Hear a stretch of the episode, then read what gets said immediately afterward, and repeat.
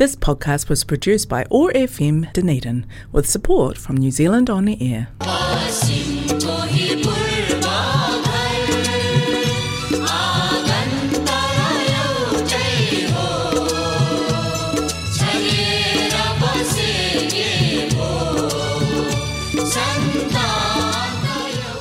Now my higher माई नमस्ते हरेक मङ्गलबार साँझको छ तिस बजे प्रसारण हुने ओट्यागो एक्सेस रेडियोबाट सञ्चालित कार्यक्रम हाम्रो आवाजमा म टिका कौशिकको सम्पूर्ण श्रोताहरूमा हार्दिक अभिवादन। आज मङ्गलबार इस्वी सन् दुई हजार बाइस जुन महिनाको अठाइस तारिक तदनुसार विक्रम सम्बत दुई हजार उनासी असार चौध गते। दैनिक नेपाली समाजको प्रस्तुति रहेको छ कार्यक्रम हाम्रो आवाज भने यस कार्यक्रमलाई प्रायोजन गरेको छ कनेक्टिङ कल्चर एथनिक कम्युनिटिजले कार्यक्रम हाम्रो आवाज ओट्यागो एक्सेस रेडियो एक सय पाँच दशमलव चार मेगाहजमा हरेक मङ्गलबार न्युजिल्यान्डको समयअनुसार साँझ छ तिस बजीदेखि सात बजेसम्म सुन्न सक्नुहुनेछ भने पोडकास्ट तथा आइट्युन्सबाट तपाईँले चाहेको बेलामा सुन्न सक्नुहुनेछ। श्रोताहरू अघिल्लो श्रृङ्खला पनि विश्व शरणार्थी दिवस सम्बन्धित रहेको थियो। यो श्रृङ्खला पनि शरणार्थीकै विषयमा रहनेछ। हरेक वर्ष बिस जुनलाई विश्व शरणार्थी दिवसको रूपमा लिने गरिन्छ। र गत हप्ता र यो हप्ता पनि शरणार्थी दिवस सम्बन्धी गतिविधि र कार्यक्रमहरू चलिरहेकै छन्। आजको कार्यक्रमको प्रस्तुति अलिक कठिन हुनेछ। आशा गरौँ म यसलाई सहज बनाउन सकौँ। विस्थापित भएर देश गुमाएका माटो गुमाएकाहरूको कथा अलिक दर्दनाक हुने गर्छ। आफूले सोचेको जस्तो मरण कहाँ हुन्छ र? मैले न्युजिल्यान्ड रेड क्रसको सेटलमेन्ट प्रोग्राममा काम गर्दा विश्वका विभिन्न मुलुकबाट शरणार्थी भएर न्युजिल्यान्ड आएको कथा सुनेको छु पढेको छु र कैयौँसँग त भेटेर बात मार्ने मौका पनि पाएको छु। यस्तै एउटा शरणार्थी यात्राको कथा पस्कनेछु आज। भुटानी शरणार्थी डाक्टर स्वर्गीय भम्पा राईको गत उन्नाइस जुन दुई हजार बाइसका दिन भुटानी शरणार्थी डाक्टर भम्पा राईले त्रिहत्तर वर्षको उमेरमा विराटनगरको नोबेल अस्पतालमा अन्तिम सास फेर्नुभएको थियो। रहरले कोही शरणार्थी हुँदैन। शरणार्थीको पीडा कस्तो हुन्छ भोग्नेलाई थाहा हुन्छ। त्रास तनाव अभाव अनिश्चितता स्थानीयहरूको घृणा तिरस्कार भनेर साध्य हुँदैन। शरणार्थी जीवनको यात्रा एकतर्फी यात्रा हो। फर्किने कुरा अनिश्चित छ। कैयौँ पटक मृत्युले चुमेर स्पर्श गरेर छोडिदिएको अवस्था हुने गर्छ। यसको एउटा उदाहरणीय पात्र हुन् डाक्टर भम्पा राई उनी भुटानी चौथो राजा जिग्मे सिंहे वाङचुकका र साई परिवारका चिकित्सक थिए। भुटान सरकारले लोचम्पाहरूप्रति ज्यादती गरेको देखेपछि साई परिवारको चिकित्सकको जागिर छोडेर भुटानी शरणार्थीहरूको सेवा पुर्याउन उनी अरू शरणार्थीहरूसँगै नेपाल आए। उनको अगुवाईमा धेरै कामहरू भए जसले गर्दा भुटानी शरणार्थीको मुद्दा एक किसिमले अन्तर्राष्ट्रियकरण बन्यो। भुटान सरकारको ज्यादतीका विरुद्ध बोल्ने हिम्मतवाला र चट्टानसरी अड्डा कसेर बस्ने एक दर्विला भुटानी लिडर थिए उनी।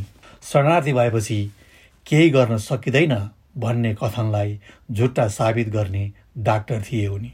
झापा जमकको बेलडाङ्गी रोडमा रहेको आफ्नो क्लिनिकबाट हजारौँ भुटानी शरणार्थीहरूलाई निशुल्क जाँच गर्थे उनी र औषधि लेखिदिन्थे र औषधिको मात्र पैसा तिरेर भुटानी शरणार्थीहरू आफ्नो क्याम्पतिर लाग्थे। शरणार्थीहरू मात्र होइन कैयौँ स्थानीय असहाय मजदुरहरूको उनले निशुल्क जाँच गरिदिन्थे। पेसाले डाक्टर बिरामीको उपचारको सेवा गरिरहे। यसका अलावा मानव अधिकारका लागि आवाज उठाइरहे। भुटानी सरकारको ज्यादतीको बारेमा खबरदारीमा लागिरहे। अर्का मानव अधिकारवादी नेता टेकनाथ रिजाल र किशोर राईसँग सहकार्य गरे उनले। यस्तै गरी अर्का भुटान मानव अधिकारवादी अगुवा किशोर राईको पनि गत दुई जुन दुई हजार बाइसका दिन निधन भएको थियो। भुटानी माटोमा जन्मिएका पुस्ताहरूमध्ये कति शहीद भए कति जीवित होलान् डाक्टर भम्पराई र किशोर राई भुटानी तानासाई निरङ्कुश राजसत्ताका विरुद्ध आवाज उठाउने साहसी योद्धाहरू हुनुहुन्थ्यो। देशमा प्रजातन्त्र र मानवाधिकार सुनिश्चित हुनुपर्छ भनी जबरजस्ती देशबाट लखेटिएका नागरिकहरूलाई भुटान सरकारले स्वदेश फर्काउनका साथै सम्मानपूर्वक बस्न पाउने व्यवस्था मिलाउनुपर्छ भनेर निर्वासित जीवन बिताइरहनुभएका दुवै नेताहरू अब हामीबीच हुनुहुन्न। यहाँहरूको निधनले सिङ्गो मुलुकलाई नै क्षति पुगेको छ। भौतिक रूपमा उहाँहरू यो संसारमा नभए पनि प्रत्यक्ष र परोक्ष रूपमा सर्वस्व दिएर जानुभएको छ। डाक्टरी पेसा भएका कारण डाक्टर भम्पा बढी सर्वसाधारण व्यक्तिहरूसँग जोडिन पुग्नु भएको छ। डाक्टर भम्पा राई भुटानी शरणार्थी स्वदेश फिर्ती अभियानका अगुवा पनि थिए।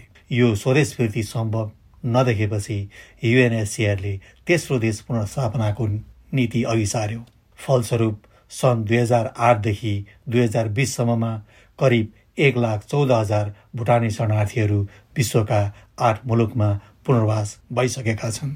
ती आठ मुलुकहरूमध्ये एउटा न्युजिल्यान्ड पनि रहेको छ र न्युजिल्यान्डमा करिब बाह्रदेखि चौध सयको हाराहारीमा भुटानीहरू पुनर्वासका लागि आइपुगेका छन्।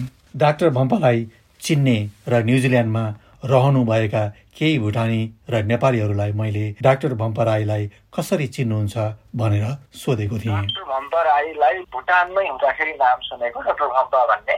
त्यस पछाडि क्याम्पमा आएपछि उहाँहरूले जुन भुटानी समुदाय रेफ्युजी क्याम्पमा सेवा गर्नुभएको थियो त्यसबाट हामी प्रत्यक्ष रूपमा जुन उहाँको सेवामा हामी गयौँ जसलाई भने कोही साह्रो गाह्रो औषधि उपचारका सम्बन्धमा केही आवश्यक सल्लाह सुझाव देख्ने भेट्ने कुरा आउँदाखेरि उहाँ समक्ष जाने उहाँ गएर सरसल्लाह लिने भनेर हामीले पनि अरू समुदायका अरू मानिसहरूलाई पनि उहाँ समक्ष पठाउने आफू पनि समय समयमा जाने गरेर चिनेको हो। उहाँले चाहिँ जुन निस्वार्थ भावनाले हाम्रो समाजप्रति गर्नुभएको कामको म स्मरण गर्न चाहन्छु।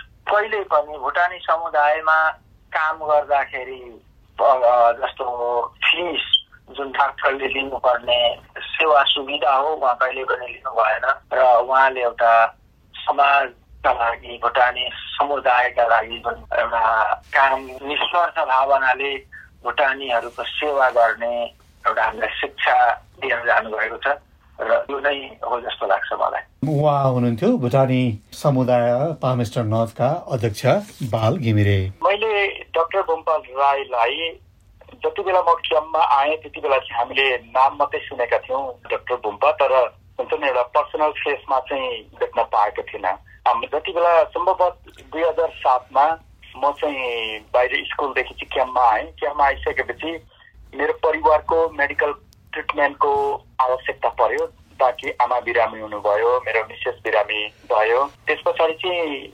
दमक एक्चुली जाँदाखेरि चाहिँ सबैजनाले डाक्टर बुम्पा राईले चाहिँ शरणार्थीहरूको लागि चाहिँ फ्री क्लिनिक खोल्नु भएको छ दमकमा भनेर सुन्नमा आयो।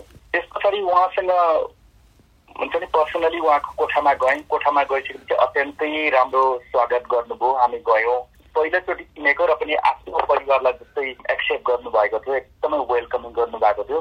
र मैले उहाँलाई यसरी चिन्छु कि उहाँ एउटा भुटानको रोयल फिजिसियन थिम्पूमा। उहाँले मसँग भन्नुभएको पनि थियो भाइ मलाई भुटान सरकारले कहिले पनि जा भनेर फोर्स गरेको थिएन।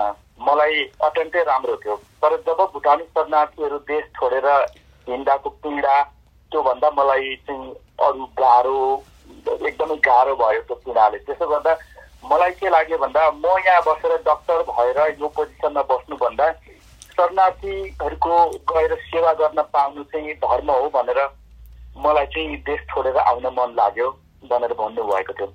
र मैले अरू उहाँलाई चिनेको कसरी पनि चिन्छु भने उहाँ हाम्रो जुन भुटानी आन्दोलन अत्यन्तै स्ट्रङ एडभोकेट ताकि भन्छौँ नि हामीले forefront of this partition for for उहाँले चाहिँ अत्यन्तै स्ट्रङ एडभोकेट गर्नुभएको अब मानिलिउँ एडभोकेटको कुराहरू गर्दा सानो कुराहरू हुन्छ नि शरणार्थीहरूले दुःख पाउने कुरा जसको उदाहरणले एउटा रासन कार्ड थियो रासन कार्ड दिइसकेपछि त्यहाँभन्दा समस्या के हुन्छ उहाँले चाहिँ त्यो कुरालाई पनि यति त्यो डिसिसनलाई यस्तो कन्डेम गर्नुभएको थियो यो गर्न पाइँदैन यस्तो हुनु हुँदैन भनेर उहाँले सङ्घ सत्तामा आवश्यक ठाउँमा गएर एडभोकेट गरेर त्यो वञ्चित गराउनु भएको थियो कति ठाउँमा अनि जति बेला appeal moment coordinating council AMCC खुल्यो त्यति बेला चाहिँ धेरै शरणार्थीहरू चाहिँ हाम्रो जो भुटान फर्किनु हाम्रो देश फर्किन पाऊँ भनेर एउटा पिसफुल मार्च गर्नुभएको थियो। त्यो मार्चमा चाहिँ अत्यन्तै ठुलो भूमिका खेल्नु पनि भएको थियो उहाँले। रेफ्युजीहरूले आफ्नो ओपर बोर्डर एन्टर हुन पाउनुपर्छ भुटान जान पाउनुपर्छ भुटानमा गएर बस्न पाउनुपर्छ भनेर विभिन्न संस्थासँग उहाँले धेरै राम्रो काम गर्नुभएको थियो शरणार्थीको लागि एडभोकेट गर्नुभएको थियो र यिनै कुराले गर्दा उहाँ चाहिँ सबैको मनमुटुमा एकदमै अविस्मरणीय हुनुहुन्छ। उहाँ बितेर गए पनि सायद सबैलाई सबैलाई लाग्छ कि उहाँ अझै पनि हाम्रो माझमा मरेर गए पनि हाम्रै एडभोकेसीमा हुनुहुन्छ भन्ने लाग्छ। मेरो पर्सनल व्यक्तिगत मैले यसरी चिन्छु उहाँलाई। उहाँ हुनुहुन्थ्यो भुटानी समुदायका एक सक्रिय युवा। म डक्टर भम्प राईलाई कसरी चिन्छु भन्दाखेरि म जब नाइन्टिन एट्टी सेभेनबाट म जब थिम्पू भुटानमा म त्यहाँ सरकारी जागिरमा कार्यरत थिएँ त्यस बखत जब थिम्पूमा रहँदाखेरि चाहिँ डाक्टर भम्पा राईज्यूको चाहिँ नाम एकदमै चलेको थियो। उहाँ एउटा राजकीय खानदानको परिवारको चाहिँ एउटा डाक्टर हो भनेर चाहिँ त्यहाँदेखि हल्ला पनि थियो तर भेट चाहिँ मेरो भएको थिएन।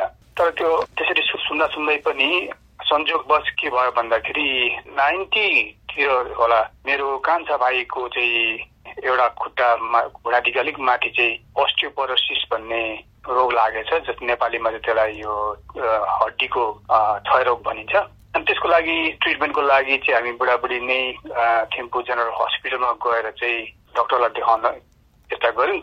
त्यति बेला अर्को डक्टर हुनुहुन्थ्यो एउटा डक्टर छिरिङ भनेर उहाँ पनि रोयल फ्यामिलीकै डक्टर हुनुहुन्थ्यो र नेपाली एकदम राम्रोसँगले बोल्नुहुन्थ्यो।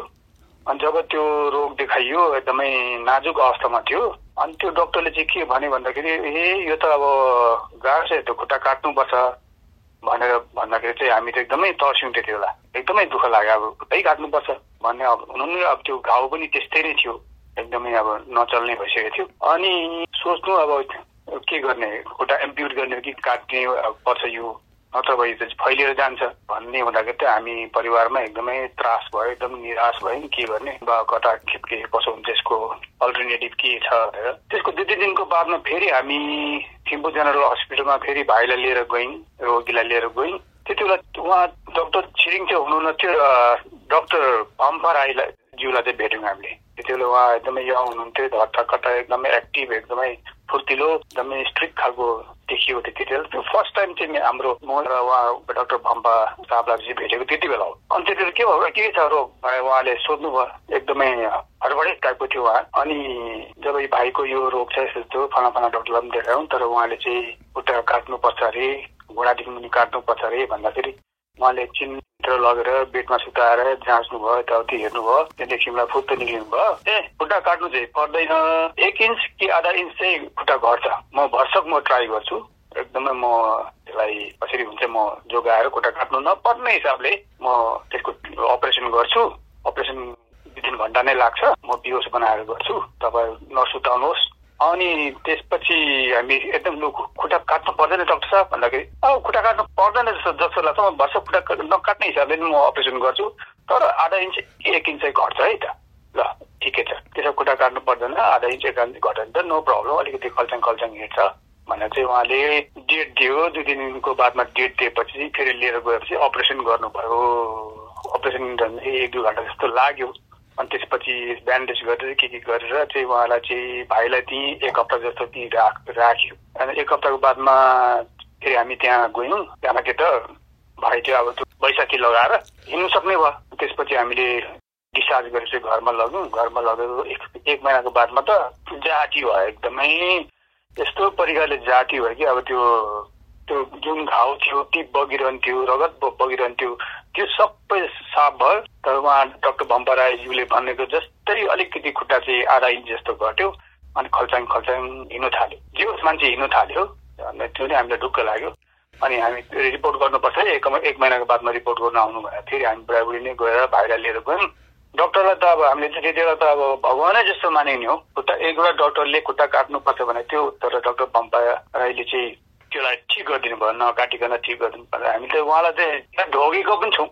हातै जोडेर दसौँला जोडेर चाहिँ उहाँलाई ढोगेको तपाईँले एकदम गरिदिनु भयो त्यति खर्च पनि लागेन केही पनि लागेन सरकारी अस्पताल भएकोले। त्यो चाहिँ मलाई एकदमै एउटा जिन्दगीमा कहिल्यै पनि बिर्सिन नसक्ने क्षण छ मेरो लागि चाहिँ। त्यो भएर डक्टर भम्पराई चाहिँ मेरो र मेरो परिवारको लागि चाहिँ एकदमै उहाँ चाहिँ भगवानै जस्तो चाहिँ म मान्छु। त्यो भोजराज सुब्बा नेल्सन भुटानी समाजका अध्यक्ष। उहाँलाई विशेष त उहाँ त अब पहिलादेखि नै प्रख्यात है एउटा लेजेन्ड पनि भनेर मानिन्छ।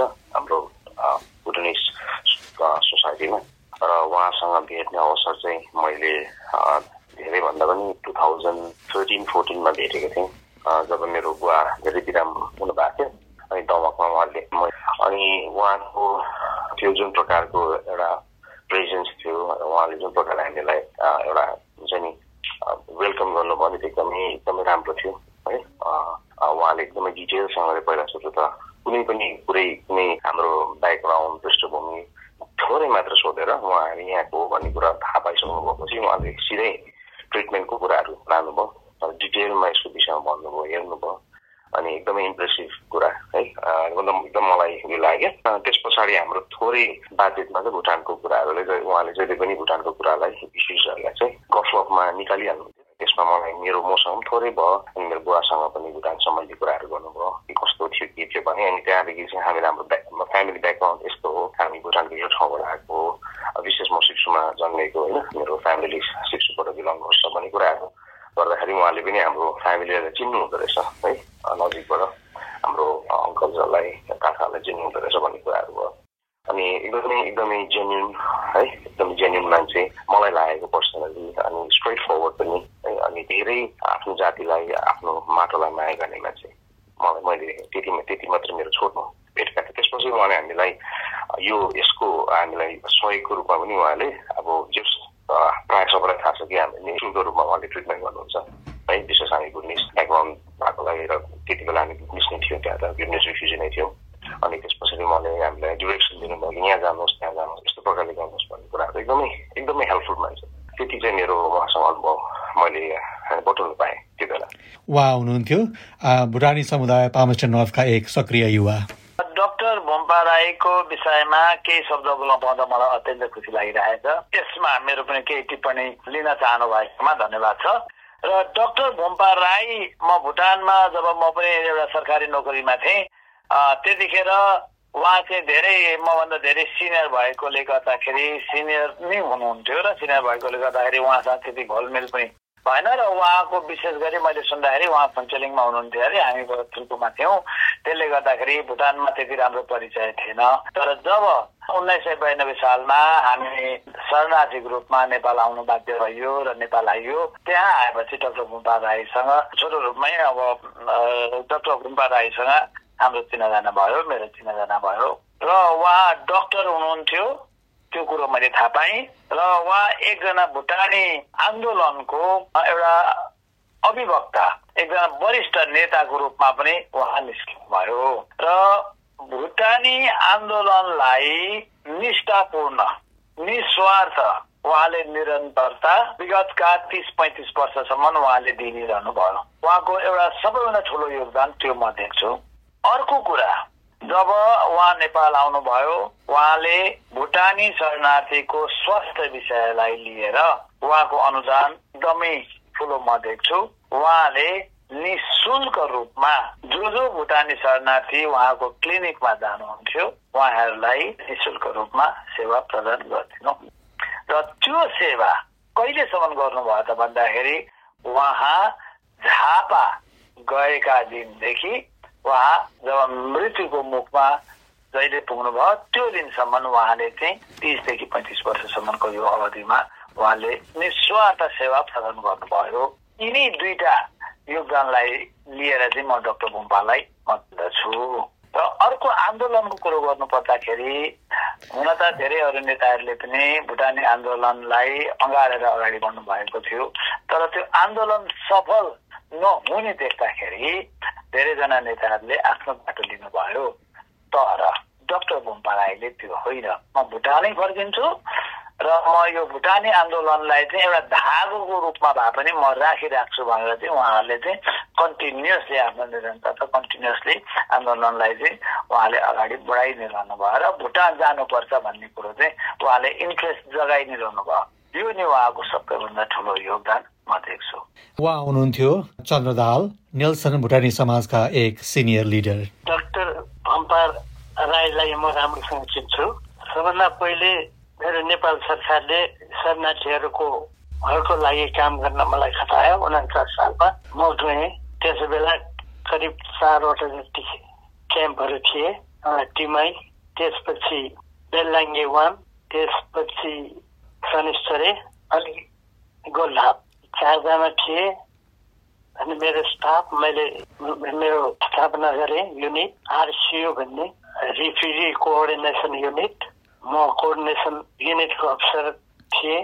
सबभन्दा पहिले हामीले त्यो युनिटहरूमा सिबिएसहरूको युनिट युनिटमा परिवारको तथ्याङ्क राख्ने काम गऱ्यौँ। त्यसपछि त्यहाँ एक एकता अर्को युनिट थप्ने काम भयो। सबै उसमा रिफ्युजीहरू ज्यादै बढ्दै गए अचाकले बढ्दै गए।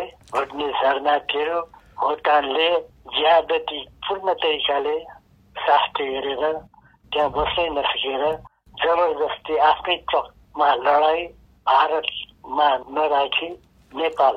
सिमानाथ भारत हो त्यहाँ नराखी नेपालमा। सिधा ट्रकबाट ल्याइयो धेरै बढ्दै गयो। ज्यादै बढ्दै गयो अनि केही वर्षपछि पम्पाराई मैले सँग भेट भयो मैले उहाँलाई भेटेपछि मैले सोधेँ तपाईँ पनि आउनुभयो कसरी आउनुभयो डाक्टर साहेब भनेर सोधेँ।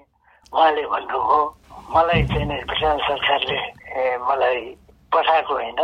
म आफै धेरै मेरा गाउँका मान्छेहरू साराका सारा यहाँ आएको हुनाले म स्वैच्छिक स्वेच्छाले यहाँ आएको हुँ भन्ने कुरा उहाँले गर्नुभयो। अनि हामी बराबर भेट्छौँ। कहिले बेलाङ्गीमा म जान्थेँ र बाटोमा पर्थेँ म भेट्थेँ। कहिले उहाँ हुनुहुन्थ्यो यसरी उहाँसँग मेरो भेट भएको हो। उहाँ हुनुहुन्थ्यो पशुपति कर्मचार्य। कुनै बेला नेपाल सरकारको तर्फबाट रिफ्युजी क्याम्प व्यवस्थापनका लागि आरसियुको भूमिकामा रहेर काम गर्नुभएको हाल न्युजिल्यान्डमा बस्नुहुन्छ र समाजसेवी हुनुहुन्छ र न्युजिल्यान्ड साहित्य समाजका संरक्षक पनि हुनुहुन्छ। डक्टर भम्पराईलाई धेरै अगाडि लगभग भनौँ चार दशकदेखि चिनेको उहाँलाई थिम्पूमा डक्टर हुँदादेखि चिनेको पछि गएर फुन्चुलिङमा पनि हुनुहुन्थ्यो। फुन्चुलिङमा पनि सँगै धेरै कुरोहरू आदान प्रदान हुने। अब यसो पर्सनल रिलेसन पनि थियो। एज ए डक्टर फिजिकल आफ्नै मेडिकल डक्टर भएर पनि उहाँ हुनुहुन्थ्यो। त्यसले गर्दाखेरि प्लस उहाँ के हुनुहुन्थ्यो भन्दाखेरि मेरो चाहिँ उता गाउँ पहिले हाम्रो गाउँ पनि पाडा नै भएको हुँदा बाडामा मेरो दाजुको चाहिँ क्लास सँगै पढेर पढेको हुनाले धेरै अब भनौँ हेमझेम थियो। उहाँले हामीलाई के दिएर जानुभएको छ? अब डक्टर राई एउटा यस्तो मान्छे जो चाहिँ उहाँले डक्टर हुँदा हुँदै पनि कहिले पनि म डक्टर हुँ भनेर उहाँले त्यो हुँ यो सानो मान्छेलाई गर्नु हुँदैन या अरूलाई गर्नु हुँदैन भन्ने होइन किनभने उहाँ राजाको पनि चिकित्सक नै भएर बस्नु भएको राज परिवारलाई पनि हेरेको हो त्यहाँदेखि भएन अब कमन एकदम तल निम्न वर्गका मान्छेहरूलाई नै बराबर कहिले अब त्यहाँ तलमाथि नगरी बराबरसँग हेर्ने मान्छे हुन् क्याम्पमा आएर पनि त्यस्तो गरेर आउँदा पनि उहाँले आएर बसेर आफ्नो बरु दुःख जो थियो उहाँले त्यागेर आफ्नो दुःख नहेरिकन उहाँले त्यहाँका ती निर्वासित हाम्रा मान्छेहरू थिए उनीहरूलाई देखरेख गरेर उनीहरूकै देखरेख दबाई पानी गरेर अब मैले यतिसम्म थाहा छ कि डाक्टर साहबले ती दबाई दोकानमा गएर नचाहिने उनीहरूले उनीहरूले फ्याँकेका दबाईहरू ल्याएर कति त एक्सपायर भएका दबाईहरू पनि ल्याएर केही नहुँदाखेरि हाम्रा त्यहाँ शरणार्थी शिविरमा आएर बसेका मान्छेहरूलाई बाँडेको पनि हो। केही उपाय नलाग्दाखेरि पनि उहाँले आफ्नो रिस्कमा शैलीय सर्जरी गरेर कतिजनालाई बचाउनु पनि भएको हो। अब त्यसो गर्दाखेरि उहाँले जुन परोपकार गर्नुभएको छ हाम्रो जनतालाई यो दुई वर्ष होइन तिस वर्ष नाइन्टिन नाइन्टी वानदेखि यता जुन दिनुभयो त्यसमा अब सायद हाम्रो मान्छेहरूले कसैले पनि भुल्न सक्दैन अब त्यसमा के भन्ने कसले कति कसलाई के भन्ने हुनै छैन। त्यहाँ उहाँको योगदान त त्यसमा there is no limit doctor Bhampar राईको देहवासन हुनुभन्दा केही हप्ता अगाडि अर्का भुटानी मानव अधिकारवादी योद्धा किशोर राईको पनि देहवासन भएको छ। मानव अधिकारवादी योद्धा किशोर राईलाई यहाँले कसरी चिन्नुहुन्छ?